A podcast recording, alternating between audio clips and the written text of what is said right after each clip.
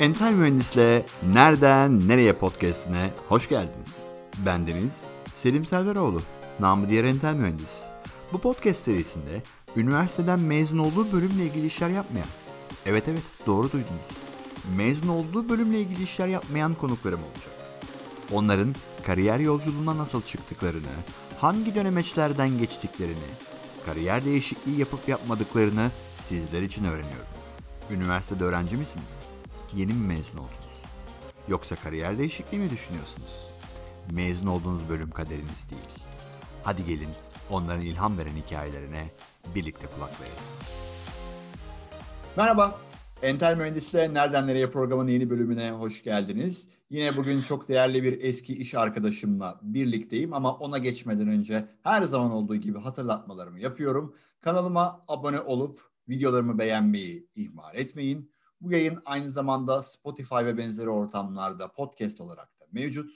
Ayrıca beni Entel Mühendis takma adı nickname ile sosyal ağlardan da takip etmeyi unutmayın diyorum ve sevgili konuğum arkadaşım Burcu'ya dönüyorum. Burcu hoş geldin. Hoş bulduk. Merhaba Selim. Nasılsın? İyiyim sağ ol. Sen nasılsın? Ben de iyiyim. Teşekkür ediyorum. Burcu bizi izleyenler için şu anda ne iş yaptığını kısaca anlatır mısın? Tabii benim için de çok yeni bir ve heyecanlı bir başlangıç yaptım daha bu hafta aslında. Süper. Hayırlı bir olsun. SAS Teşekkür ediyorum. Bir SaaS partneri Partner Republic'te çalışıyorum. Orada Customer Intelligence Manager olarak çalışıyorum. Projelerden sorumlu olacağım. Şimdi CRM bu- dünyasından devam.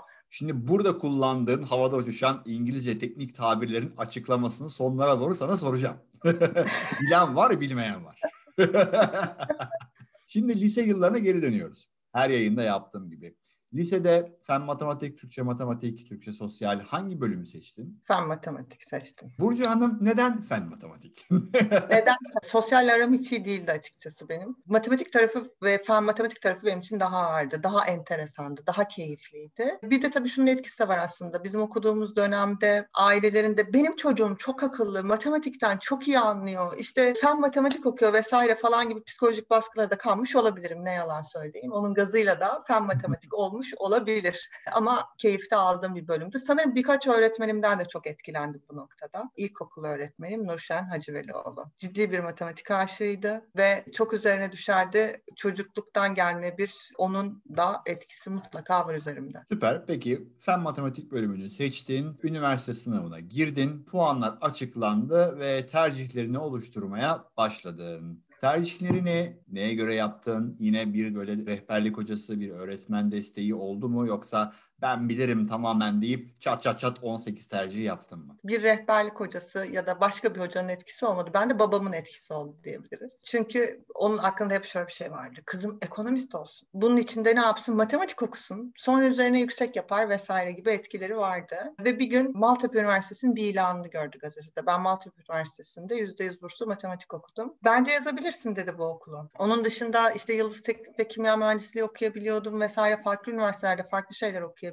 Üçüncü tercihim falan da herhalde ve matematik okudum. Tamamen burada da yine aile işin içerisine girdi. Ki benim de istediğim ve keyif aldığım bir alandı diyebiliriz. Peki ekonomiyle ilgili babanın hani ilgisi nereden kendisine bir ekonomist, iktisat geçmişi falan var mıydı? Hayır, her Türk erkeği ekonomi bilmez mi? Bildiğini sanmaz mı? Tamamen bununla ilgisi var. Yani çünkü parayı yöneten ailede hep baba oluyor. Bizim çocukluğumuz döneminde öyleydi ve işte bir şekilde ilgisi vardı bir sürü şeye, borsaya vesaire falan. O döneme denk geldim benim. Üniversite sınavımda o döneme denk geldi. Benim bir konum daha vardı Gürcan. O matematik bölümünü kazanmış ama illallah deyip ikinci sınıfta bırakmıştı. Sen gayet güzel bölümü bitirdin anladığım kadarıyla. 7 senede. E tamam işte güzel sindire sindire.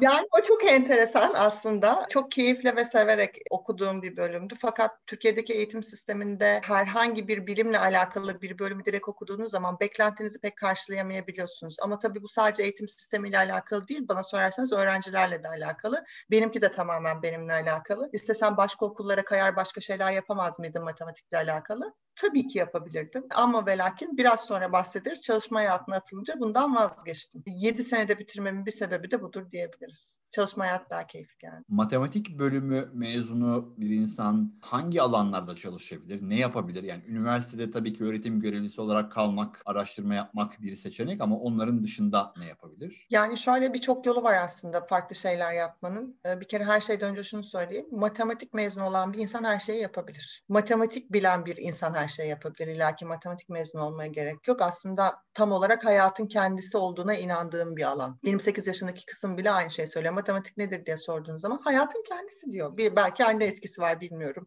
Bir dakika. Yanlış anlaşılmış olabilir. Benim kulağım 28 yaşında duydu kızın. 28 8. yaşında. Ha, 8. Sadece 8. 8. 28 yaşında bir kızım yok. dedim öyle değildi. Ne zaman büyüdü? Hayır. Sadece 8. Baktığınız zaman matematik mezunu insanlar ne yaparlar? Matematik öğretmenliği yaparlar. İşte bizim dönemimizde dershanede öğretmenlik yapan arkadaşlarımız oldu. Pedagojik formasyon olup yine bir öğretmenlik yapabilirler milli eğitim tarafında da. Okulda kalabilirler e, vesaire vesaire. Ama günümüz dünyasında şunu çok fazla görüyoruz. Bilgisayar programcıları ya da farklı alanlarda iş yapan insanlar matematik mezunu olabiliyor. Üniversitede öğrenim görer, görürken çalışma hayatına da atıldığını söyledin. Bir staj mı oldu, bir iş ilanına başvurdun? Nasıl oldu üniversitedeki çalışma hayatına giriş? Birinci sınıfın yazında ilk başta bir e, Microsoft partnerinde bir staj yaparak başladım. Bu yaptığım ilk stajda çok da keyif almadım. Yazılım üzerine staj yapmaya başladım. Ve o da tamamen yine babamın arkadaşının damadı. Yine babam. Yine babam dedi ki Burcucuğum matematik okuyorsun. Bak ileride bilgisayar programcılığı çok revaçta şu anda bile öyle. Gel sen bizim şirkette staj yap. Peki. Gittim bir ay. Eğitimlere falan girdim. Uyuyordum. Gerçekten uyuyordum. Dedim ki ben bir daha bilgisayar programcılığı ile ilgili bir şey yapmayacağım. Çünkü birinci sınıftasın, daha daha gençsin, yazın bir şeyler yapmak istiyorsun. Belki onun rehaveti vardı üzerimde. Fakat daha sonrasında ikinci staj yaptığım ve seninle de tanıştığım yerde o kadar keyif aldım ki bilgisayar programcılığı stajıyla başlayıp daha sonrasında orada çalışmaya devam ettim. Peki birinci sınıftaki stajda hangi programlama dilini sana göstermişlerdi de seni, seni sarmadı? .NET programlama dilini göstermişlerdi ama ve lakin ben orada bir ay boyunca bir sınıfın içerisinde bir bilgisayar karşısında yanımda değişen öğrencilerle yani iki kişilik, üç kişilik sınıflarda aynı öğretmenin anlattığı dersleri dinliyordum. Hiçbir aktiflik, hiçbir dinamiklik yoktu. Böyle olunca o beni sıktı açıkçası. Çünkü hareketsiz, aşırı sakin bir ortam pek bana göre değildi. Peki ikinci sınıfta Netron'da staj yaptın. Evet. Orada hangi programlama dili üzerine çalıştın? Yine yani .NET şey, programlama dili üzerine çalıştım. Görüldüğü üzere şöyle demem doğru mu? Aslında nasıl anlatıldığıyla çok alakalı bir konuya Kesinlikle öyle. Bir şeyi e, neyi öğrendiğinizi, nerede, nasıl, kimlerle birlikte öğrendiğiniz çok önemli oluyor günün sonunda.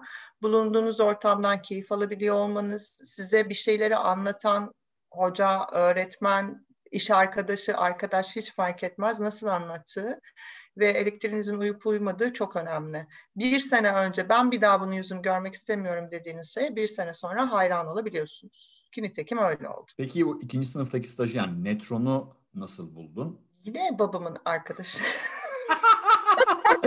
Babam maşallahı var her eve lazım. her eve lazım. Yine öyle ama ikisi aynı insan bu arada. Birinci sınıfın ha. yazında gittiğim, e, ikincisi aynı insan ve orada sevgili Selçuk Uzun'la tanıştım. Kendilerine selam olsun. Saygılar, selamlar. Selçuk Hoca ile tanıştığım zaman staj yapmaya başladığımda benimle konuştu. Dedim ki ilk tecrübeye göre tabii ki. E, ben burada bir ay kalacağım stajımı yapacağım ve gideceğim dedim. O da bana dedi ki ben sana buradan gitmiyor musun? Hadi git diyeceğim. Sen bana diyeceksin ki beni burada tut. Vay çok iddialı. Ya dedim hiç olur mu öyle şey? Var ya çünkü bir yaz önceki tecrübem. Ha dedim güldüm. Sonra ben orada kaldım. Bana git demedi ama neyse ki. kaldım uzun yıllar kaldım. Senin de bildiğin üzere zaten orada birlikte çalıştık. Ciddi onlardan çok şey öğrendim. Okurken e, devam ettim. Kışın da devam ettim. Eğitimler aldım. Sonra eğitim vermeye başladım bir anda. İşte projeler yapmaya başladık vesaire ve e, benim için iş hayatı başlamış oldu. Daha okulum bitmeden. Belki yazılım programlama dilleriyle ilgilenen insanlar olabilir diye sorayım. Bir .NET yazılım diliyle, programlama diliyle neler yapılabilir? Hangi uygulamalar, hangi programlar vesaire böyle kısaca herkesin anlayabileceği şekilde birazcık bahsedebilir misin? Tabii şu an Microsoft'un kullandığı teknolojileri aklımıza getirdiğimiz zaman bunların her birini hemen hemen her birini .NET programlama diliyle programlayabiliyoruz. Gördüğümüz birçok web sitesinin altyapısı da .NET programlama dili üzerinde. Bu arada ben oradan da koptum artık bir bilgisayar programcısı değilim. Şu anki teknolojiyle neler yapılıyor diye sorsan hiç için içinde değilim. Çok keyif alıyordum ama oradan da çıktım. Dur oralara geleceğiz. O chapter'a geleceğiz. Netron'da öğrenciyken eğitmenliğe geçişin nasıl olmuştu? Birden böyle ya bizim ihtiyacımız vardı sen gelme oldu yoksa ya bu kız zaten bu işi iyi öğrendi biz bunu mu deneyelim mi dediler. Nasıl oldu? Şöyle e, süreç aslında bu kız bu işi öğrendi biz bunu da deneyelimle başladı. Ama gerçekten benim için hiç kolay olmadı. Orada tamamlamanız gereken bir süreç var. Trainer to trainer. Yani ne oluyor burada? siz eğitim verebilir misiniz? Sizin karşınızda koca koca bu işin üstadı insanlar ölçüyor. Bir oluşturuyorlar kendi içlerinde ve çıkıyorsunuz siz onlara bir modülü anlatıyorsunuz. Olay dersi anlatmak değil. Olay gerçekten o anki sınıfa hakim olabiliyor musunuz? Etkili olabiliyor musunuz? Anlattığınız anlaşılıyor mu? Sorulara nasıl tepki veriyorsunuz? Doğru cevap veriyorsunuz değil, nasıl tepki veriyorsunuz? Gibi haftalar süren bir sınavdan geçtim. Ama çok şey kattı. Hala oradaki birçok şey aklımdadır. Sonra en son böyle sırtımdan terler damlaya damlaya sonunda verdim. Verdik dediler ki bana eğitim verebilir misin? Peki Netron'da hem eğitmenlik yaptın hem bazı projelere katıldın. Hı hı. O projelerde yazılımla ilgili destek oldun. Sonra Netron macerası hepimizde olduğu gibi bitmek zorundaydı ve bitti. Sonraki işini nasıl buldun? Nereden Sonraki buldun? babam değil bu sefer. Ha, çok şükür. Artık Nevre'den çıkıyor. Açıkçası o Netron'da oluşturduğumuz o sıcak ortamın ve referansların çok büyük etkisi oldu. Çünkü insan kazanmak çok önemli günün sonunda. Bir şeyler öğrenebilirsiniz bir sürü yerde ama ne kadar insan biriktirdiğiniz iş hayatında bunlardan daha da kıymetli olabiliyor. Ve e, Netron'da çalıştığım insanların referansıyla bir iş buldum. Kurumsal bir firmaya ilk defa geçiyordum. E, işin hep eğitim ve proje tarafındayken bir anda kurumsal dünyanın içerisine girdim ve hala diplomam yoktu. Hala mezun olamamıştım. Ben bilgisayar programcılığı dersleri verirken matematik eğitimi sırasında diplomamı alamamamın nedeni e, bilgisayar programcılığı dersiydi. Nedenlerine girmeyelim çok uzun. Geçemedim. Sonunda geçtim ama şekilde. Sonrasında Mavi Cins'te çalışmaya başladım ve biraz kendimi kötü hissettim açıkçası. Neden? Çünkü e, Netron'da çalışırken 7-24 bir çalışma düzenimiz vardı. Hayatımız iş olmuştu. Kucağımda laptopla uyuyordum. Kucağımda laptopla uyanıyordum. Çantama koyuyordum, işe gidiyordum. Sabah projelerle ilgileniyordum. Akşam üzere eğitim veriyordum. Gece eve dönüyordum. Tekrar aynı düzen bu şekilde devam ediyordu. Hafta sonu dahil sen de çok iyi biliyorsun 7-24'ümüz öyle geçiyor. Kurumsal hayata bir ve her gün bir şey öğreniyorduk bu arada eğitim versek bile. Kurumsal hayata başlayınca Sabah 9'da gidiyorsun, akşam 5-6 her neyse çıkıyorsun. Günün yarısı boş oturuyorsun, bir şey öğrenmiyorsun. Cem Yılmaz'ın dediği gibi işte öğlen ne yiyeceğiz? Bir toplantı patlatalım. Evet. Ay çok yedik biraz bastırsın soda içelim. Akşam servis kaçta kalkıyordu? yani şöyle belki belli bir yaştan sonra anlamlı gelebilir insanlara ama bana o dönem için baktığında e-ticaret siteleri daha yoktu yani bir gitti gidiyor falan vardı ortalıkta. Dünyada Amazon vardı e, oturup yapmaya çalıştığınız teknolojik yatırımlar vesaireler şirketlere çok boşuna geliyordu. Nasıl olsa orada Ayşe var yapıyor, Ahmet var yapıyor gibi geliyordu. E, doğal olarak da oradaki gelişmeniz çok yavaş yavaş ilerliyordu. Kendimi bayağı kötü hissettim. Dedim ki bir dakika ya ne oluyoruz ben daha yolun başındayım. Daha öğrenmem gereken çok şey var. Ben işte şimdi niye boş oturuyorum diye oradan ayrıldım. Ne kadar süre sonra ayrıldın? Maksimum 9 ay kaldım herhalde. Ayrıldım. Çünkü zaman akıp gidiyor ve bir şeyler öğrenmem lazım. Ve sonrasında Marks Spencer Gap Banana Republic'in içerisinde bulunduğum FIBA Perakende grubu. Orada çalışmaya başladım. Hemen durduruyorum. O işi nereden buldu? Yine referans mı? Baban devreden çıktı onu anladım. Babam yok. referans o mı? Işin, şöyle oldu.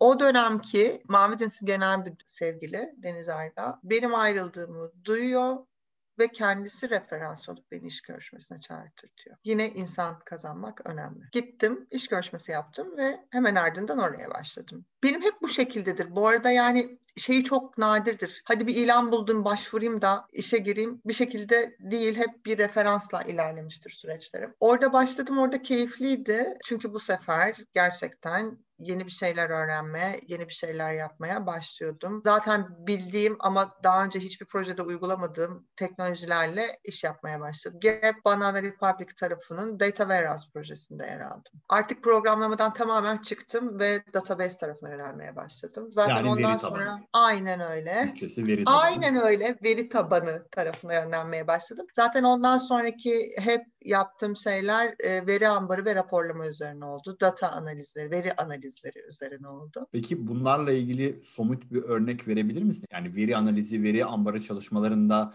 firmaya ne vermiş oluyorsun? Firma ne elde ediyor? O dönem daha e, yeni yeni yaygınlaşan teknolojilerdi. Bir şirketi yürütebilmenin en önemli şeylerinden biri de rakamlara hakim olabilmektir.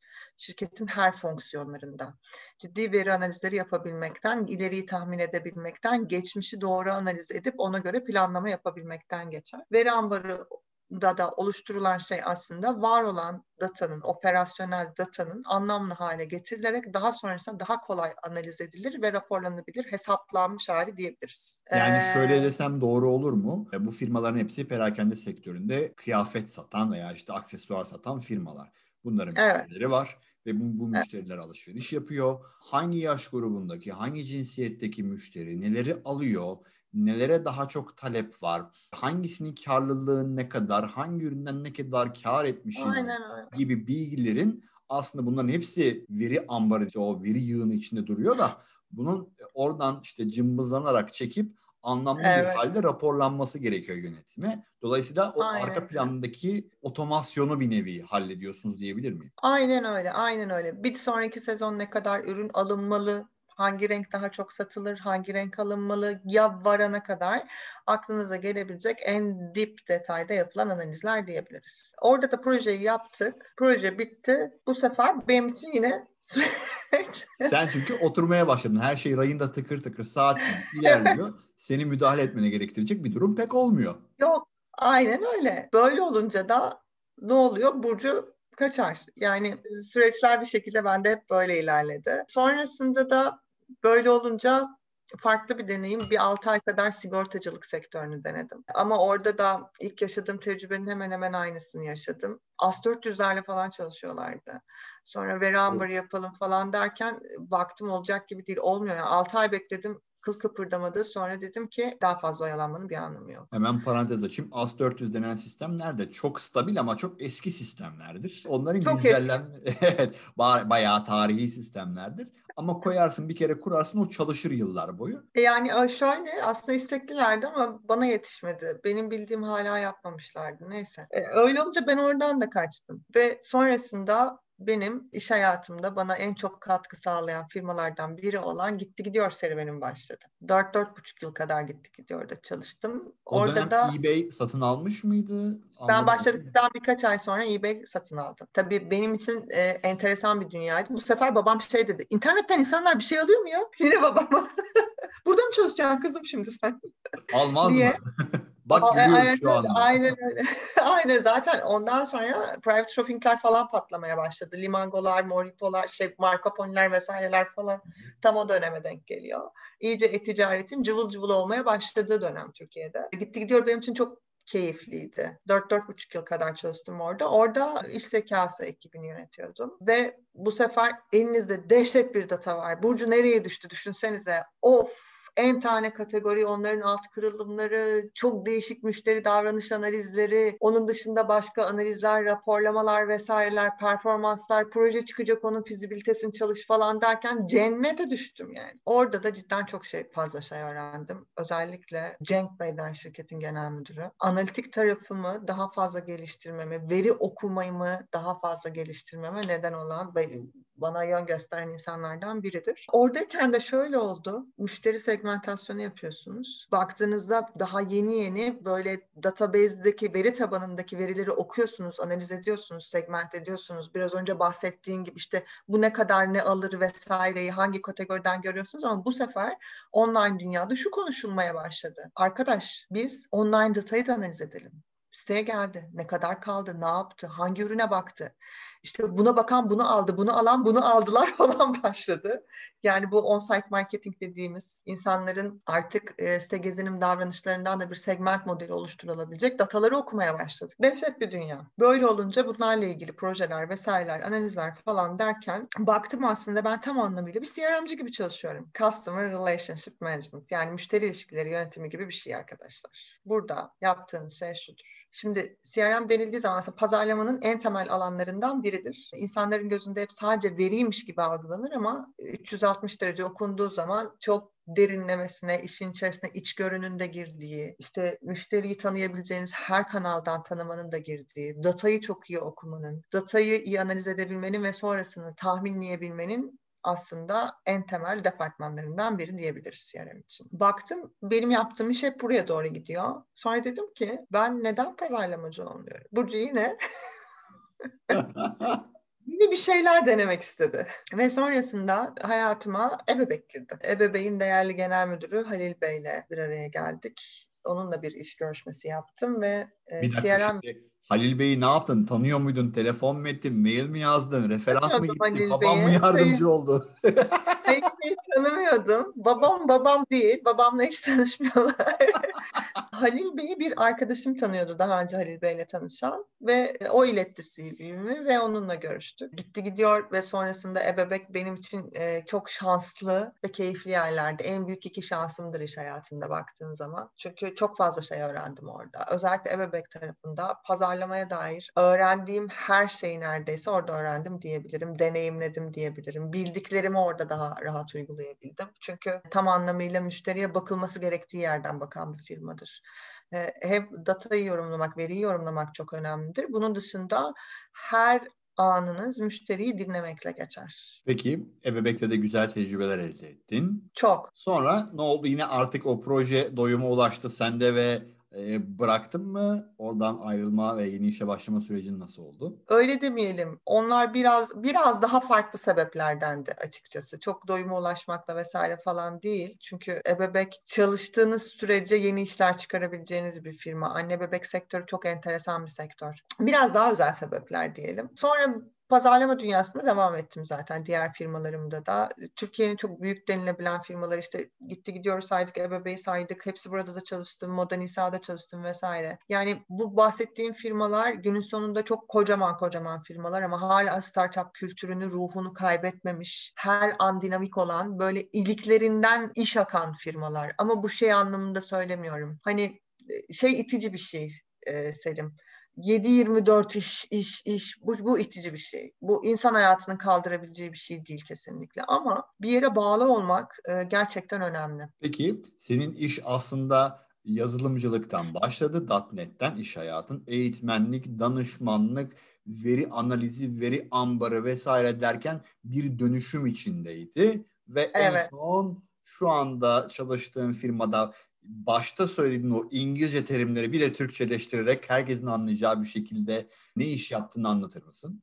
Şöyle aslında baktığın zaman günün sonunda müşteri analitiğini yönetiyoruz. Nedir bu? Müşteri datasını anlamlandırabilir hale getiriyoruz. Aslında veri ambarıyla birebir ilişkili. Bunun için farklı bir platform kullanıyoruz ve müşterilerin segmentlerine göre onları en özel noktalarından yakalayıp firmalar için verimliliği arttırmak, satışı arttırmak, doğru zamanda dokunmak, müşterinin geleceğini tahmin edip ondan önce ne yapması gerektiğini düşünmek gibi. Çünkü günümüz dünyasında artık marka olmak demek, müşterilerle birebir iletişim kuruyor olmak demek. Müşteriyi analiz etmek, segmente etmek demek, her kişiye ayrı bir segmentmiş gibi yaklaşıyor olmak demek. Yani Selim ve Burcu'nun personası aynı. Bunlar işte eğitim seviyesi aynı, gelir seviyesi aynı, bilmem ne aynı, şu aynı, bu aynısı aynı adam mıyız? Değiliz. Sana başka bir şey, bana başka bir şey.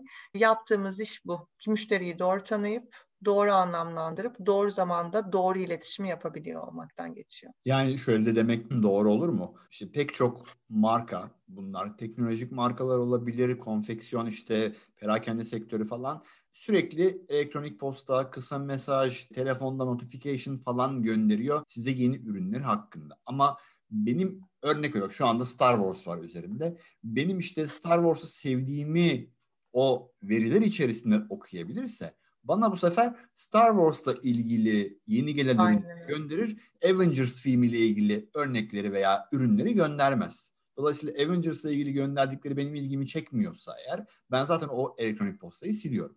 Boşa harcanmış bir enerji oluyor doğru örneklendirebildim mi? Doğru örneklendirdin. Tabii bunun yanında şu da var. Elektronik posta diye konuştuk. Bunun dışında iletişim kanalları çok önemli. SMS var, elektronik posta var. Şu anda mobil uygulamalarda kullandığımız pushlar var. Onun dışında bir sürü iletişim kanalı var. Doğru insanın doğru kanaldan ulaşabiliyor olmak da çok önemli. Bunların analizlerinin çok iyi yapılıyor olması gerekiyor. Aslında bizler yani kendi adıma pazarlama dünyasında çalışan bir insan olaraktan hem bu işi yapan hem de kendi hayatıma geri döndüğüm zaman Burcu olduğumda evin içerisinde her bir en tane markanın da müşterisiyim. Baktığın zaman doğru zamanda doğru iletişim yapılmadığı zaman ben de ilet oluyorum ya da kendi özel e-mail adresimin içerisindeki birçok e-maili okumadan siliyorum. Belki bana doğru şey gönderiyorlar ama okumadan siliyorum. Mesela bana e-mail göndermemeleri gerekiyor gibi. Çok güzel bir örnekleme oldu. Çok evet. teşekkür ediyorum. Peki evet. toparlayacak olursak son noktada yine herkese sorduğum soruyu soruyorum. Üniversitede öğrenci olan, üniversiteden yeni mezun olmuş gençlere özellikle iş bulma, iş hayatı ile ilgili önerilerin neler olur? Çünkü genelde insanlar karamsar yaklaşıyor. Çok da haklılar. Onlara abla olarak, bir arkadaş olarak, bir tecrübeli bir insan olarak neler önerirsin? Deneyimlediğim çevremdeki genç arkadaşlardan da gördüğüm en önemli şeylerden biri şu. Lütfen ama lütfen okurken eğer ki ileride özel sektörde bir yer edinmek istiyorsanız okurken bir yerlerde gidin bedava staj yapın gerekirse. Bu imkanlar çok kolay olmuyor biliyorum. Kapılardan içeri girmek çok kolay olmuyor. Ya da günümüz startup dünyası çok gelişti. Kendi fikrinizi bulun. Kendiniz bir şeyler yapmaya çalışın ve sonrasında da gerçekten doğru işe doğru yerde başlamak çok kolay bir şey değil ama başladığınızın yerin doğru olmadığına inanıyorsanız orada bir dakika bile oyalanmayın. Herkes bana yine mi iş değiştirdin falan. Evet değiştirdim çünkü ben mutlu değilsem oraya da bir faydam yok. Kendiniz için mutlu olacağınız yeri bulana kadar devam edin diyorum. Ne vakit harcayın ne de başkalarının vaktini alın. Çok güzel bir öneri. Çok teşekkür ediyorum Burcu'cum vakit Ben ayırın. teşekkür ediyorum. Çok keyifliydi. Görüşmek üzere. Görüşmek üzere. Ve bir yayının daha sonuna geldik. Vakit ayırdığınız için teşekkür ederim. Beni Entel Mühendis adıyla sosyal ağlardan ve entelmühendis.com adresli blogumdan takip etmeyi ihmal etmeyin. Ayrıca bu podcast serisine abone olmayı da unutmayın. Görüşmek üzere. Bunu saymayız. Yine bekleriz.